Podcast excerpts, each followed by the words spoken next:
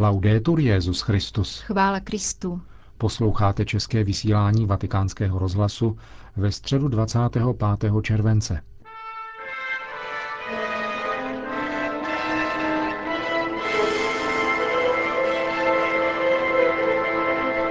Také tuto středu se nekoná generální audience svatého otce, který pobývá na dovolené v Castel Gandolfo. Namísto toho si můžete poslechnout čtvrté pokračování četby ze studie nazvané S papežem proti homoherezi, kterou napsal otec Darius Oko, vyučující filozofii na Univerzitě Jana Pavla II. v Krakově.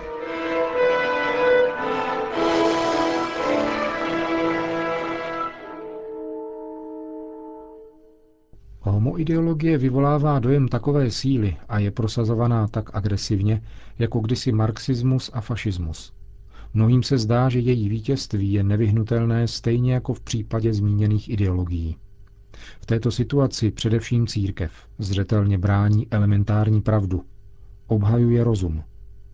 Když démoni ideologie zuří, musí se strážkyní a obhájkyní rozumu paradoxně stát víra. Církev přežila už jiná soužení a jiné hereze. Nesmysl se nakonec musí zhroutit, vyčerpat a pozřít sebe sama. Nelze žít až do konce v protimluvu. Nelze žít stále v opozici k rozumu, proti přirozenosti, proti přikázáním, podobně jako nelze stát celý život na hlavě. Nakonec přijde obrácení a nebo pád. Velikost katolické církve se projevuje mimo jiné tím, že umí přiznat chyby, viny svých členů a odprosit za ně, že je schopna obrácení a očištění. Jiná prostředí jsou toho schopna v míře mnohem menší, ačkoliv jejich stav je mnohem horší. Média, která lze nezřídka obrazně označit za jakási CNC, Centra nenávisti ke křesťanství, představují situaci tak, jako by to byl hlavní nebo jediný problém katolické církve. Jako by efebofilové byli jenom kněží a proto musel být každý kněz podezřelý. Přesně tak mluvila o katolických duchovních Goebbelsova propaganda za časů Hitlera. Je to stará metoda ze všeobecňování jednotlivin. Poctiví žurnalisté však sami zhledávají, že katolická církev je jedinou institucí, která něco podniká proti sexuálním deliktům, jež představují obecný problém ve všech výchovných prostředích a institucích. Lze se také zeptat, kdy se novináři začnou zajímat o tento problém ve svém vlastním prostředí, včetně okruhu svých zaměstnavatelů a majitelů médií, mezi těmi, kteří udávají tón mediálních manipulací a štvanic. To může být problém, jako například v Belgii a na Litvě, kde se objevila pedofilie i mezi lidmi stojícími na nejvyšších mocenských příčkách. Kam se však tehdy poděla odvaha a horlivost o nich žurnalistů, kteří tak ochotně atakují církev? Zřejmá fakta dokazují, že se tento problém týká církve nejméně. Proč se tedy mluví jenom o církvi? Podle dostupných údajů připadá na katolickou církev z tisíce deliktů pedo či efebofilie jenom jeden případ. Z deseti tisíc osob zapletených do těchto deliktů jsou kněží jen čtyři. Čistě statisticky vzato existuje procentuálně mnohem více pachatelů, například mezi ženatými protestantskými duchovními a učiteli, zvláště tělocvikáři. Vinu tedy proto nemá celibát, jak někteří sugerují. Upozornil na to mimo jiné státní sekretář kardinál Tarcísio Bertone, když řekl Mnoho psychologů a psychiatrů doložilo, že existuje spojení mezi homosexualitou a pedofilií. Dokazuje to také fakt, že 80% pedofilů odsouzených v USA jsou homosexuálové. A mezi kněžími odsouzenými za tento delikt tvoří homosexuálové 90% Tyto údaje svědčí o tom, že církev měla problém spíše s homosexuály než pedofily. Sekunduje mu v tom Massimo Introvíně, italský sociolog, který poukazuje na to, že neexistuje spojení mezi celibátem a pedofilií, neboť mezi ženatými duchovními je pedofilů více než mezi katolickými kněžími. Ve Spojených státech amerických bylo obviněno ze sexuálního zneužívání téměř tisíc kněží a odsouzeno něco přes 50. avšak z řad tělocvikářů a trenérů většinou ženatých jich bylo za tentýž přestupek odsouzeno přibližně 6 tisíc.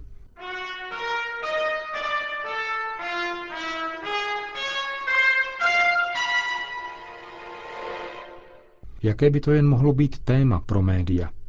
Proč o tom skoro nic neříkají? Protože jim zjevně či mnohem více jde nikoli o dobro dětí a mládeže, nýbrž o diskreditaci církve. Kdyby jejich záměry byly upřímné, zaměřila by média svou pozornost tam, kde se takovéto delikty vyskytují mnohem častěji. Poněkud se však nedostává o něch spravedlivých, kteří by s tím chtěli něco dělat a něco riskovat. Případy vyskytující se mezi našimi se retušují a omlouvají mnohem více, nežli se to dělo v církvi. Vys například skutky Romana Polanského v Hollywoodu z roku 1978. Jakoby média říkala, pokud to dělají naši, nehneme prstem, i když děti trpí. Nás se to netýká. Důležité je, aby se nám vedlo dobře. Taková je licoměrnost a cynismus odvážných novinářů a jejich chlebodárců. Je třeba porozumět příčinám toho, proč si církev s problémem oné homoloby dlouho nedokázala poradit. Nejde tu totiž jenom o to, že stížnosti na jednoho homosexuála v sutaně končily na stole druhého a potom v koši, anebo ještě hůře v rukách samotného obžalovaného, který se tak mohl mstít svým obětem. Byla to špatná skupinová solidarita, podle zásady braňme toho svého, vždyť i kdyby byl vinen, je přece náš. Jinou příčinou byla nevědomost, neznalost závažnosti problému. Pro normálního kněze bylo něčím nepředstavitelným, že by se tak velké zlo mohlo rozmáhat za jeho zády. Kromě toho, dobří a horliví duchovní jsou obvykle zaměstnáni prací a přetíženi, takže často nemají sil zabývat se tímto problémem. Komu by se ostatně chtělo zaobírat se takovou špínou? Proto dokud nevypukne velký skandál, často se postupuje podle pravidla skřípe to, ale jede. Konec konců máme zde co dočinění s kriminálními činy. A církev není policie, nemá nástroje na to, aby si poradila s organizovanou delikvencí.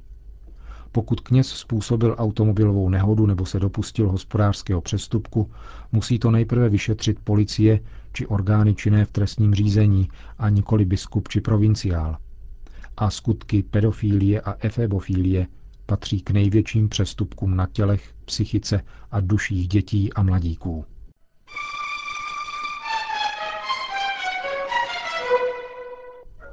Jak těžce musí být narušeni duchovní, kteří sériově něco takového činí kvůli chvilkové rozkoši.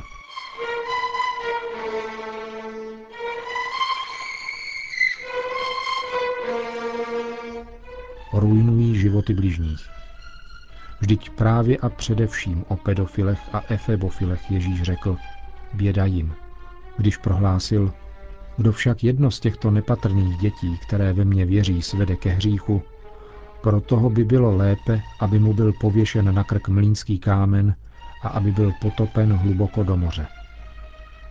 Takovéto znásilnění je pro normálního chlapce tou nejohavnější věcí. Je to strašlivé zranění, které jakoby zabíjí jeho duši. Oběť Efebofila se nezřídka po zbytek svého života už nevschopí.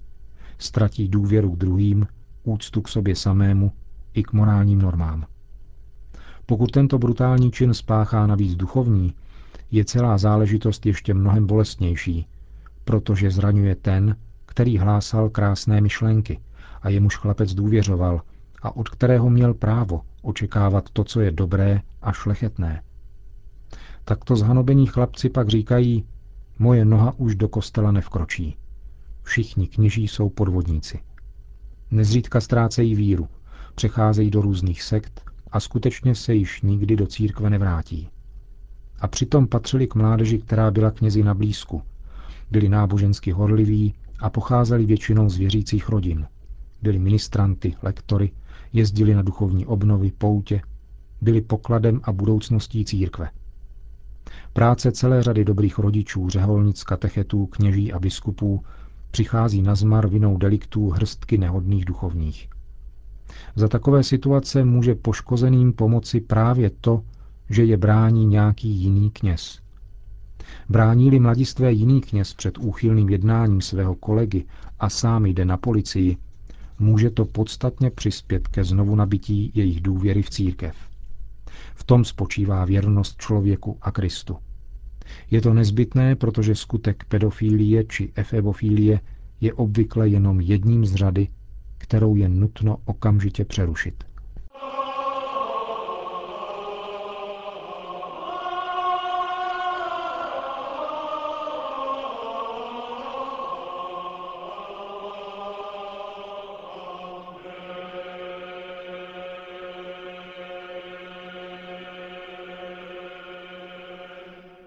Této věci nelze váhat bez ohledu na to, kolik bychom tím riskovali, komu bychom se vydávali v šanc a co bychom mohli ztratit. Jako má otec povinnost bránit, ba nasadit život při obraně vlastního dítěte, tak má i kněz povinnost nasadit život při obraně každého z o nich maličkých, kteří jsou božími dětmi. Z výše jmenovaných důvodů je proto třeba chovat se k homomafii v církvi velmi profesionálně, jako prokurátor nebo důstojník na bitevním poli. Je třeba si uvědomit, že druhá strana je dlouholetým životem v hříchu a přetvářce nezřídka již tak vnitřně zdegenerovaná, že možná již vešla na úroveň obyčejných kriminálníků a že v obraně svých zájmů a svých pozic je schopna toho nejhoršího slovem i skutkem. Je třeba si na to připravit a dokonce se nedivit, pokud člověk narazí na nejrůznější možná prokletí tohoto světa a je obžalován z těch nejhorších věcí, protože ústa přece mluví to, čeho je srdce plné. Pokud někdo desítky let páchá hanebné skutky, je připraven páchat stejně hanebné skutky, aby svoje špatnosti zakryl a unikl odpovědnosti a ve srovnání s vraždou či zabitím je přece mnohem snadnější lhát, že se nic zlého nestalo. Je proto třeba združovat lidi dobré vůle, kteří budou toto úsilí podporovat. Měli by tam patřit duchovní, co možno nejvýše postavení, znalci různých oborů, specialisté, archiváři, právníci, policisté, novináři a zejména věřící. Je třeba si vyměňovat informace, dokumenty, důkazy, jako protiváha globální sítě homoloby a homomafie musí existovat globální síť dobrých lidí. Znamenitým nástrojem je zde internet, poněvadž umožňuje vytvářet světové společenství lidí, kterým církev leží na srdci a jsou rozhodnuti odporovat homoideologii a homoherezi. Čím více víme, tím více zmůžeme. Je třeba vědět, že v těchto věcech je člověk jako ovce poslaná mezi vlky. A proto je třeba být bezelstnými jako holubice ale i opatrnými jako hadi. Vůči delikventům je třeba jednat odvážně, jako byl Kristus odvážný vůči farizejům svojí doby. Nelze budovat život na sladkých iluzích, neboť jenom pravda osvobozuje. A právě proto nám Bůh nedal ducha bojácnosti, ale ducha síly, lásky a rozvážnosti. Jakoukoliv intervenci je třeba podnikat s maximální úctou a láskou ke každému člověku i v případě delikventů. K podstatě křesťanství totiž patří vůle zachránit pokud možno každého člověka. Ti nejhorší delikventi mohou být ohroženi ztrátou života pozemského i věčného. A proto také potřebují zvláštní péči a zejména hodně modliteb. K velikosti a kráse křesťanství patří i to, že Ábel se snaží zachránit nejenom sebe, ale také všechny ostatní, včetně Kaina.